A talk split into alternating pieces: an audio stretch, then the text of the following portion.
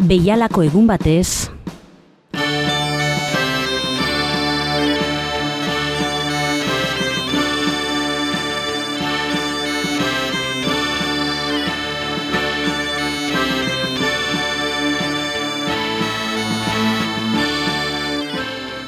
Agur eta ongi etorri Bilbo iria irratiko entzule zaren hori. Gure memoria eta oroitzapenak gordetzen duen kutsa irekiko dugu datozen minutuetan. Bertatik, gure herrialdetan gertatutako jasoera historiko nabarmenak, gertaera esanguratsuak, gure kultura, politika, zein bestelako jardueretan, zeresana izan eta eman dutenek bilakatuko ditugu protagonista nagusi.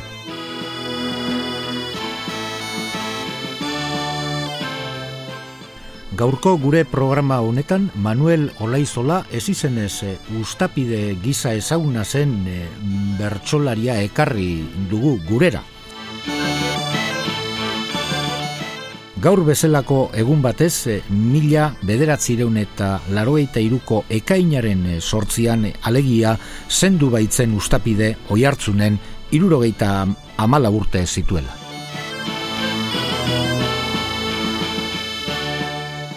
Manuel Olaizola Urbieta endoiako ustapide baserrian jaio zen mila bederatzireun eta bederatziko maiatzaren amarrean alegia. Elizaz arroako parrokiakoa zenez antxe bataiatu zuten, Santa Anari eskainitako Elizan, beste zenide guztiak besalase. Ustapideke berak lengo egunak izeneko gogoan liburuan, onelase gogoratzen du baserria, naiz eta geroseago eginak izan zenbait obra. Horrela diosku bertsolariak. Itxaz bizta ederra da. Udarako tokiona. Gain baten dago. Atari jira ederra du. Patxara ederrekoa. Kaminoa ere badu. Eliza ere bai. Atarian eskola emateko tokia ere bai. Apaizetxe ere bai. Telefonua ere bai. Ustapiden bertan.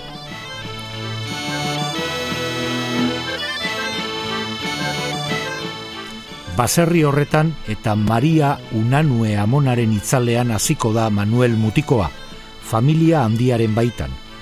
Izan ere, Amonak, gazterik alargun geratuta, Manuelen aita eta amaika osaba izeba hasi zituen. Ondoren, beste sortzi biloba ere zaindu behar izan zituen, lau anaia eta lau arreba baitziren Manuel eta konpainia. Eta honen anaia Josemarik ere etxera eskondu eta bederatzi seme alaba izan zituen.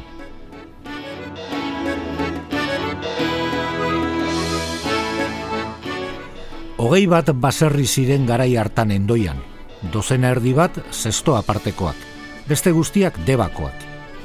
Hiru hilabetetik hiru hilabetera aldatzen ziren etxez bai maestra eta bai eskola izan ere debako baserri horietan bizi zen txandaka irakaslea. Soldata ere debako udaletxetik jaso ohi zuen. Erdarazkoak zituzten eskolako liburuak dotrina izan ezik.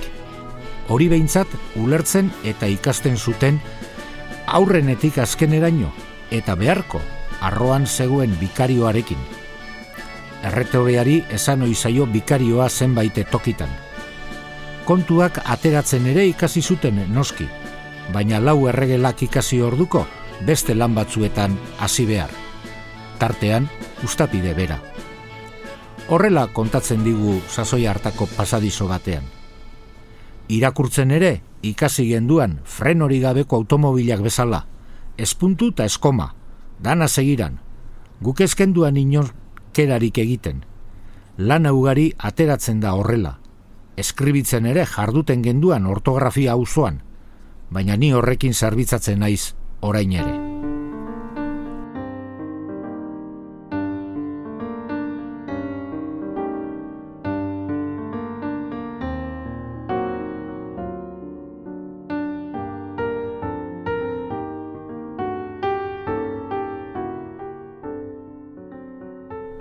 Ustapidek amairu urte zituenean, aitak zurbanora eraman zuen, anaia Josemarirekin batera, erdara ikastera.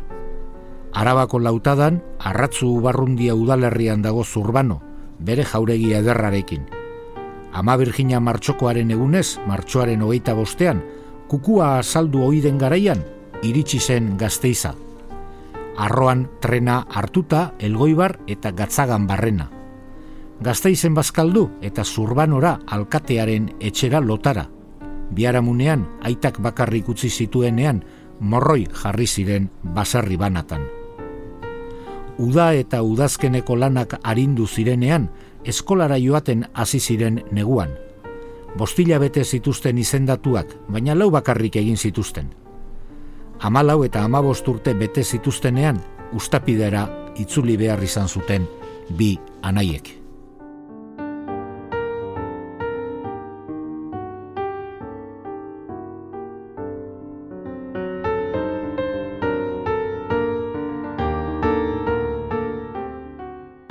Nondik zetorkion ustapideri bertzozaletasuna? Berak kontatzen duen bezala, sortzi urterekin ikasi zituen buruz lendabiziko bertsoak. Jose Antonio Urkia, orioko eskela, ez izenez, joaten omen zen arroara bertsopaperak saltzera. Meza ondoan kantatu hoi zituen ahots ederrez, eta bukatutakoan e, hasi saltzen. Ari entzunez bertsozaletu zen Manuel, eta ari erositako bertsos burua bete. Horrela kontatzen du ustapidek berak.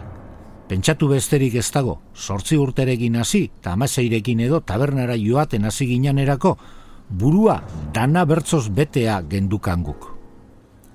Asteazuko aranburu berri ere joaten zen zestoako feriara bertsopaperekin.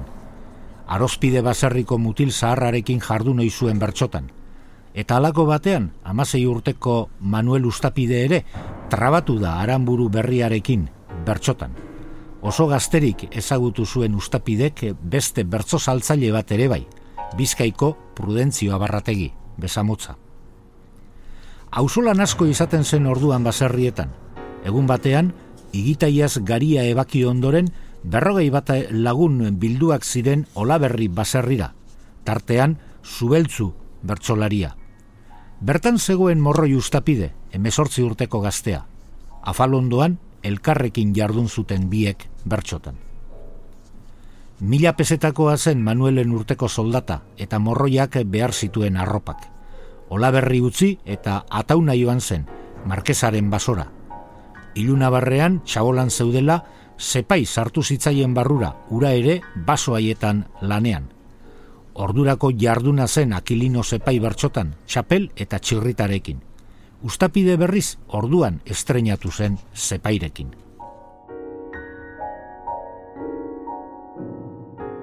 Lendabiziko Euskal Herriko txapelketa nazionala ere jokatu zen mila bederatzireun eta hogeita amabostean. Ustapidek dena dela etzuen parte hartu bertzolari txapelketa hartan lehenengo bertzolari egunean basarrik irabazi zuen. Urrengorako ordea izena eman eta azpeitian zuertatu zitzaion kanporaketa. Baina aurrekoa tolosan zenez, han zen entzule, abenduaren hogeita bederatzian, bertara bildutako bederatzi bertsolarien.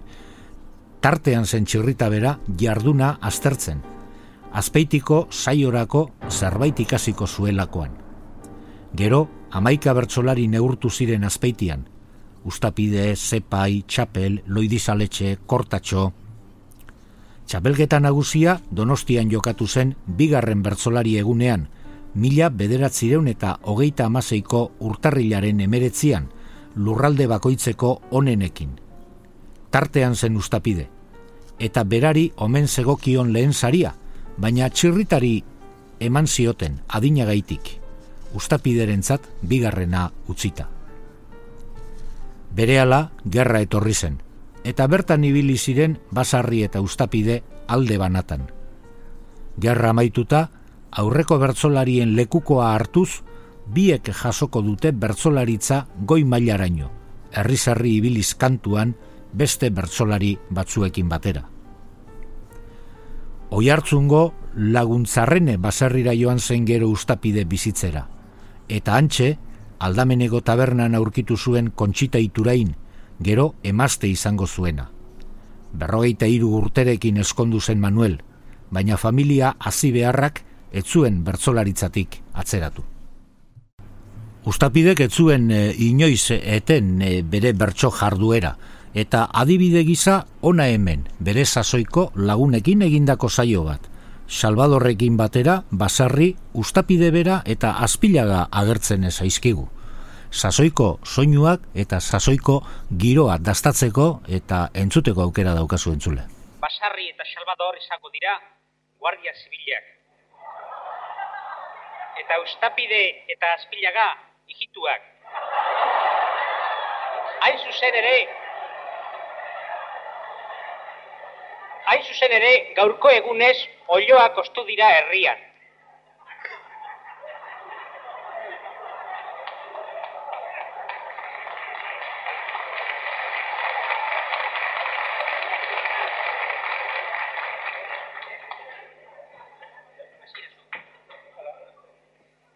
hasiera basarrik emango dio, gero ustapidek segitu, gero Salvadorrek eta gero aspiragak. Hiru bertso bakoitzak.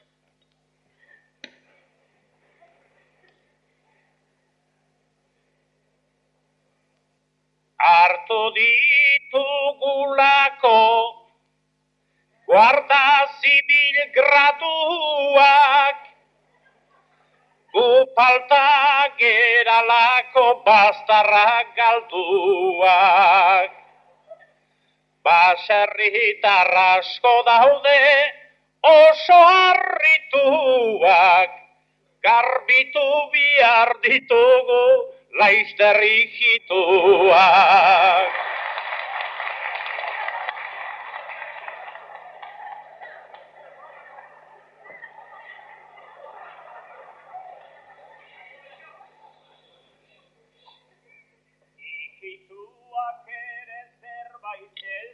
beharra daukan.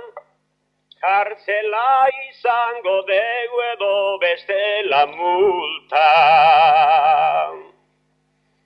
Oilua eraman dute erritik ostuta Besten bate gehindu baino gaurre gure kulpa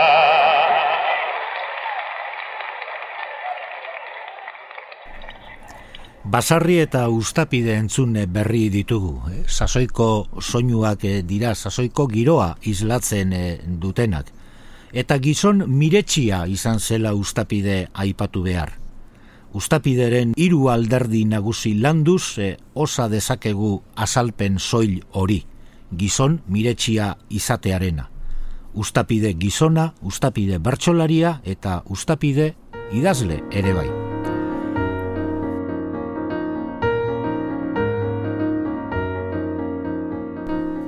Ustapide bera ezagutu zuten zenbait lagunen adierazpenak bildu ditu. Gizonaz hitz egitean ezinbestekoa da bere izaeraz eta bera bizideneko inguruaz aritzea. Horretaragoa ondoren, beti eta kontuan izanik zein izan zen batipat ustapideren ingurua. Ahosko mundua inolako zalantzarik gabe gizon urbila eta errespetua sortzen zuena, serioa eta umoretsua izan zen ustapide. Amaika horrelako kontraste irakur daiteke lasarteren ustapide gogoan liburuan adibidez. Poliki erakusten digute gizonaren handia eta sakona. Hauxe bera dio Antonio Zabalak ere bai, lengo egunak gogoan izpide hartuta enuke nahi Manuelen beste alderdion eta gogoan garri bati buruz zerbait esan gabe utzi. Haren bihotza hundi, bigun eta maitekorra. Maitasuna dariote hemengo horrialdeak etxekoentzat, adizkideentzat, herriarentzat, izadiarentzat, gure euskal lurrarentzat. Maitasuna eta dirua ezin izkutatu ditezkeela esan zuanak, basekian zergaitik esaten zuen ahosko mundua izan zen batipate ustapiderena. Eta ahosko munduan hitza nagusi. Izketan trebea izaten da gailen mundu horretan. Entzun errazekoa, ateraldi zorrotzekoa. Horietakoa zen ustapide.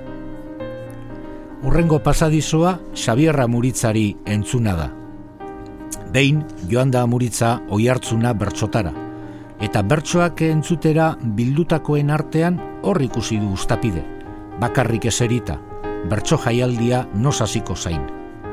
Xavier Urbildu eta ondoan jarrita izketan hasi omen ziren denpora pasa, bertsolari lagunak azaldu artean. Baina denpora aurrera eta inorra geriez. Orduan amuritzak esan omen zion. Hemen gaude, Manuel, bi tonto bezala. Bi tonto bezala ez, bi tonto, erantzun. Guazen berriro, frankismo sasoiko bertzo saioetara, eh? oraingoan hor agertuko zaizkigu, basarri, azpilaga, lizazo eta ustapide. Soinua sasoi hartakoa da, eta giroa ere nabarituko duzuna ezine hobea, bai bertsolarien partetik, bai entzulearen partetik. Orain berriz binaka, binaka dira. Gu bizigeran herria zeharo nazu zaio. Eta hain zuzen, herri hortako alkatea ustapide.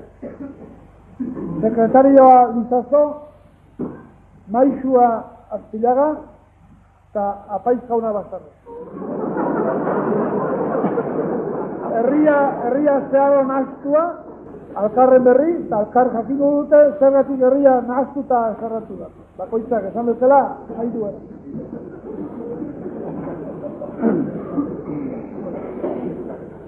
Alkatea, sekretarioa, maizua eta apaizkona.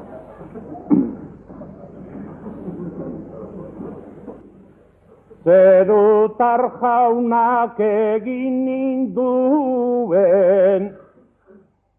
ni anima den karguko, oso bildur naiz ezote didan, herrian asko galduko. Motiborikan izan espanu, ez nuen autan hartuko. Alkate ona izan bagendu, herririk etzan astuko.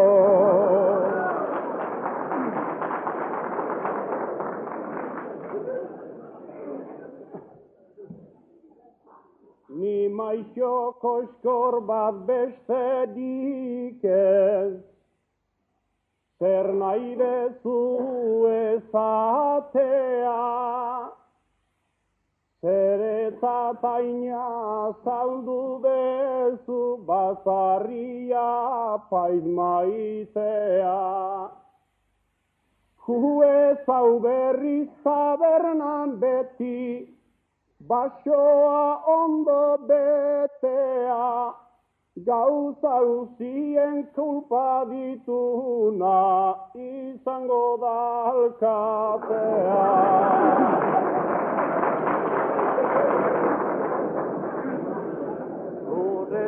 Gure erriko apaiz hau nori, egu olago izunan, Maizua ende agindu batzuk horrekin egiten duna. Alkate jauna gure zadago, hain bizi modu azuna. Herrian degun maizua dago, euskerari janezuna.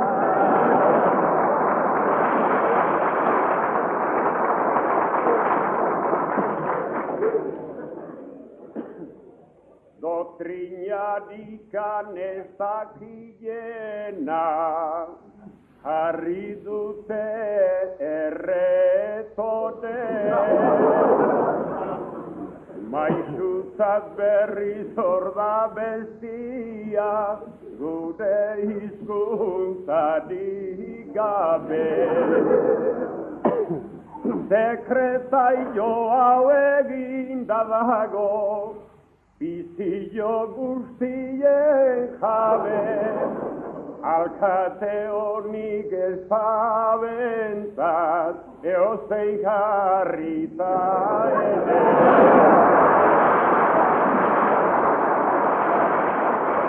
Entzun bezala, Ostapide alkatearena izan da azkeneko bertsoa. Bai gaitasuna, eh, lau puntotan, borobiltzeko eta bilbatzeko aurretik basarria paisak, azpilaga maisuak edo lizaso sekretarioak eh, esandako guztia eta sententzia ederra botatzeko gaitasuna ustapidek erakusten diguna. Segi dezagune aurrera bada. Askotan batera ematen dira bizitzan eginak eta esanak.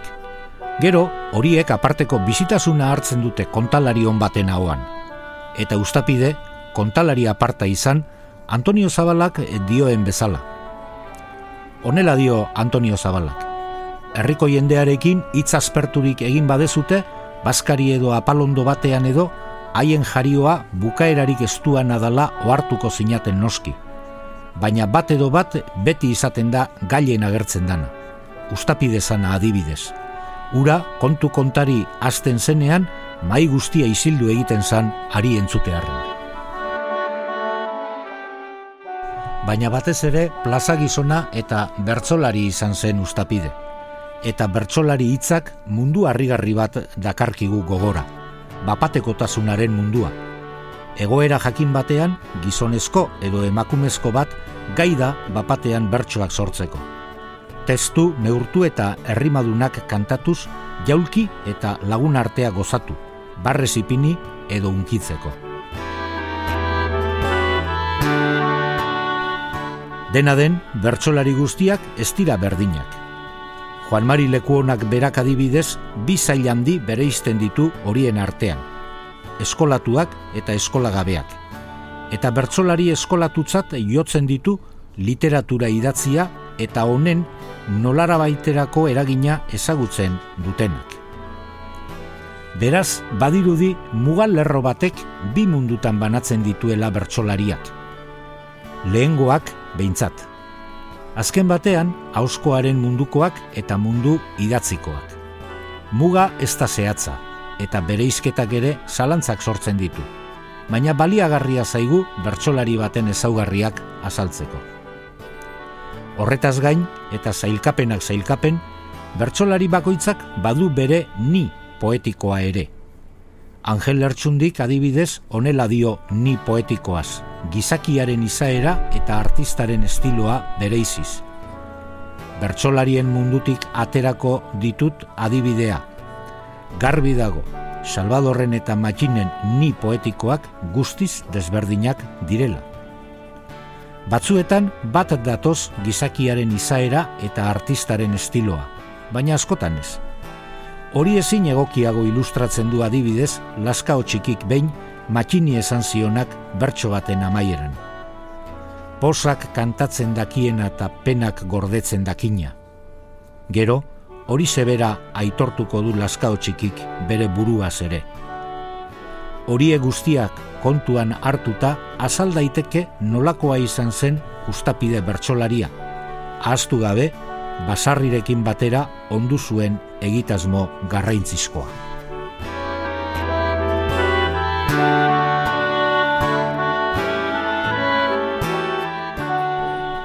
Ezin ukatu bertzolariak eh, beren sasoiko produktuak eh, direla eta sarritan e, sasoiko gertaerak aipatzen dituztela kantuan. Oraingo honetan horren adibide bat aurkitu dugu. Irogeita amargarren amarkadan, bosealari famatua egin zen zestoarra zen urtain. Oraingo zaio honetan, Manuel Lasarterekin kantatuko du ustapidek. Lasarte, boseolari alemana izango da. Ustapide aldiz, urtain. Urtain badakitozo pizkorra zerana Ostegunean guaz gu alkarren gana. Zortzi bateri zaude pasada emana baino gogorragoa dezu alemana. Ike gatikan gogorren papela, lasai gelditu zendek urtainen zabela. Ez alago jakinda Gogorra naizela ire doriko aiz Zortzioiek bezela Nolakoa zen e, ustapideren e, bertxokera? Ba, e, Juan San Martinek ustapideren bertxokera gai hartuta, senpelarren hariko jotzen du zestoarra. Basarri, bitartean, otainoren joerako. Antonio Zabalak ere berdin pentsatzen du. Ustapide, bertso jartzailea sari dela, beste bertsolari baten estiloarekin alderatzen du ustapiderena. Salvadorren estiloarekin. Eta denboran atzera eginez, Salvadorren estiloko jotzen ditu bilintz eta otaino. Ustapide berriz txirrita, pello errota eta udarregiren estiloko. Eta naiz eta Juan Mari Lekuonak eskolatuen artean zailkatu ustapide, bete-betean dago zestoarra ahosko munduari atxikia.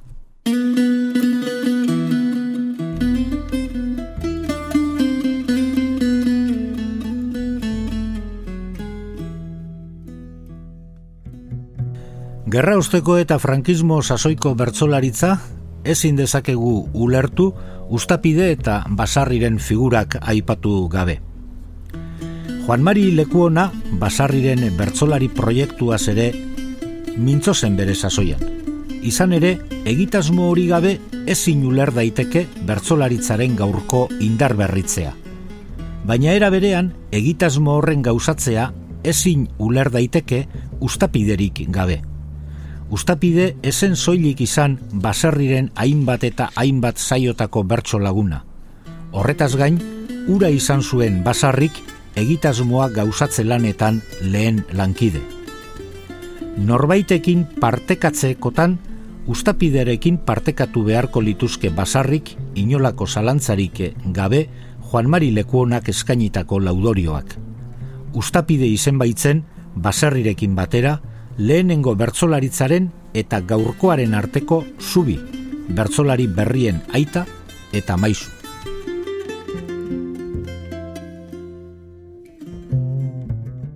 Frankismoaren sasoi ilunetan, etenik gabe, traba guztien gainetik, sasoiko bertsolariekin batera, plazaz plaza, inoiz nekatu gabe ibili izan zen e, ustapide. Baina txapeldun handia ere izan zen, mila bederatzireun eta berrogeita emeretziko gipuzkoako bertzolari txapelketa irabazi zuen. Euskal Herriko bertzolari txapelketa nagusian hiru aldiz atera zen irabazle. Irurogeita bian, irurogeita bostean eta irurogeita zazpian.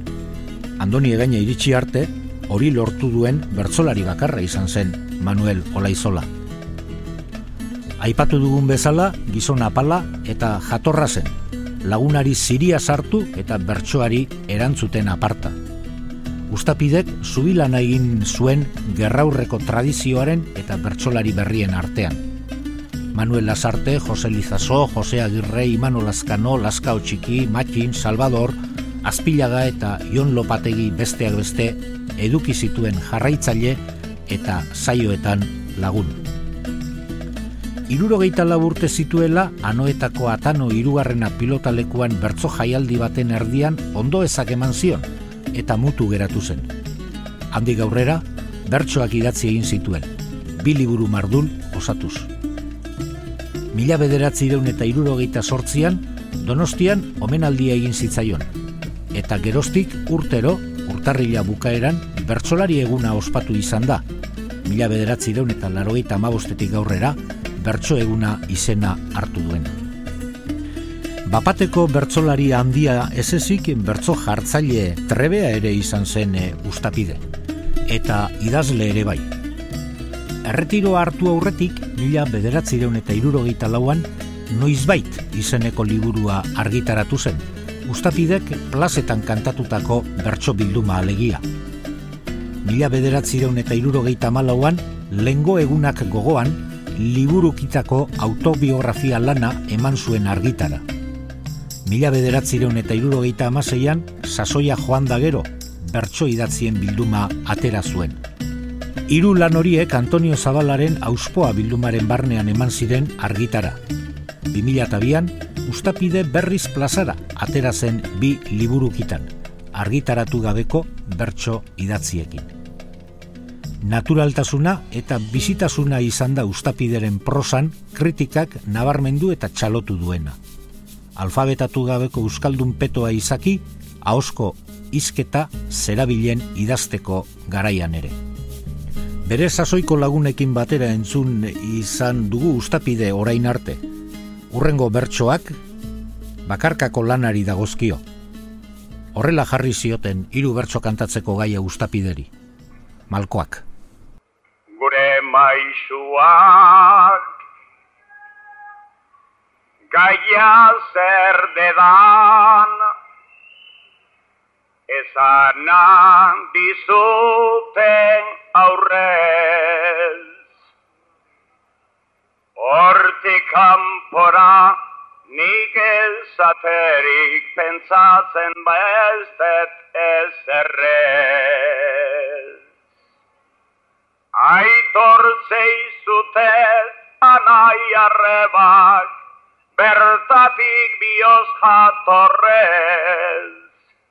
Euskal Herrian bizi naizela balkotan eta negarre.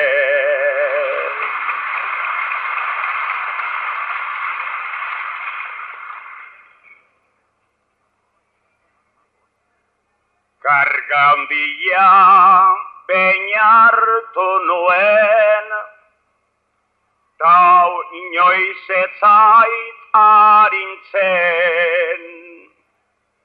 Ni bezela xebeste bat ere, nola ez da hemen mintzen.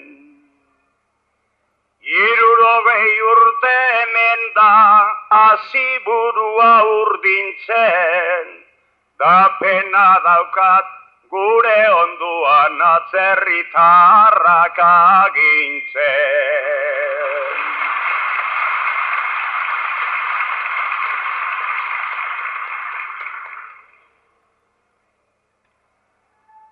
Galduak eta irabaziak. Izan oi ditu jokuak baina galera seguru dauka guk egin degun tratuak. Madrid aldera joaten dira Euskal Herrian batuak. Euskaldun batik nola ez izuri begietatik malkua.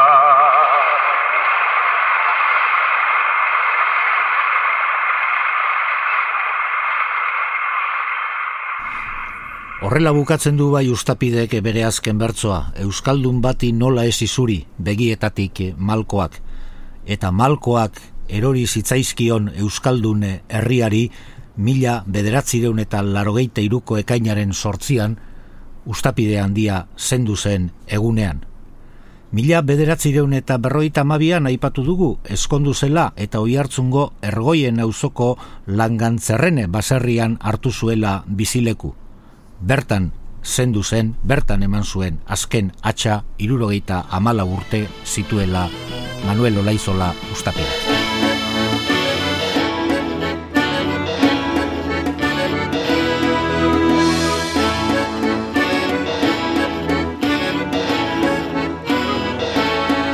Eta onaino lagunok Manuel Olaizola ustapideren inguruko zenbait aipamen.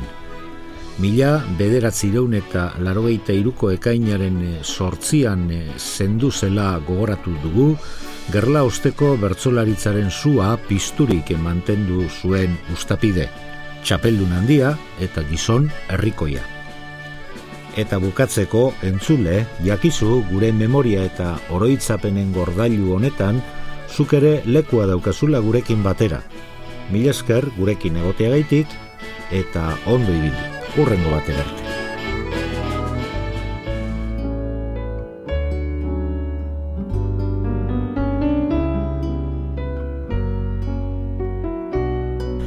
Xavier Letek musikatutako ustapideren gizonaren negua izeneko bertso sortarekin utziko zaituztegu. Milesker gurekin egoteagaitik eta izan zaite zoriontsu. Urren arte. Irurogei urtetan neguan sartuta erretira hortzetan pipa bat hartuta gizon horreri ondo erreparatuta ibilpidian dago oso baldartuta. Garai batez bazuan aitonak denbora aixa joaten zana mendipuntan gora gaur etxetik ezin irten du kanpora erretiratu behar suaren ondora. Orainari delako burutik arintzen berak egin ez bainea besteria gintzen zarren gozo guztiak dira desamintzen gauza utxen gatikan hasiko da mintzen. Gaztetako kontuak ederki aztuta, burua soilduta, hortzak akastuta, itzik ez du egin nahi, kopeta beztuta, zartzian gauza honik gizonak ez duta.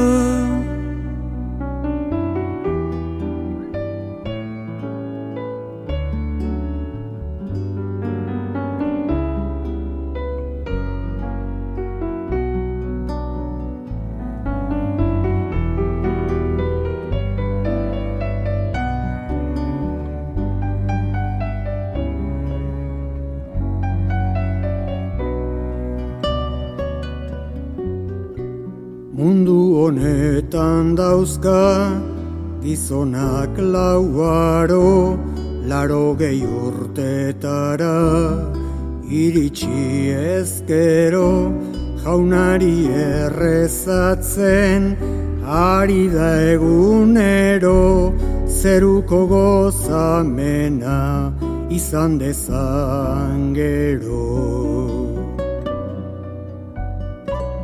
Gizona errezatzen jaunari hastian etenik gabe beti jaianta hastian zorionaren eske bizitza guztian mundu hontan ez dago baina bai bestian.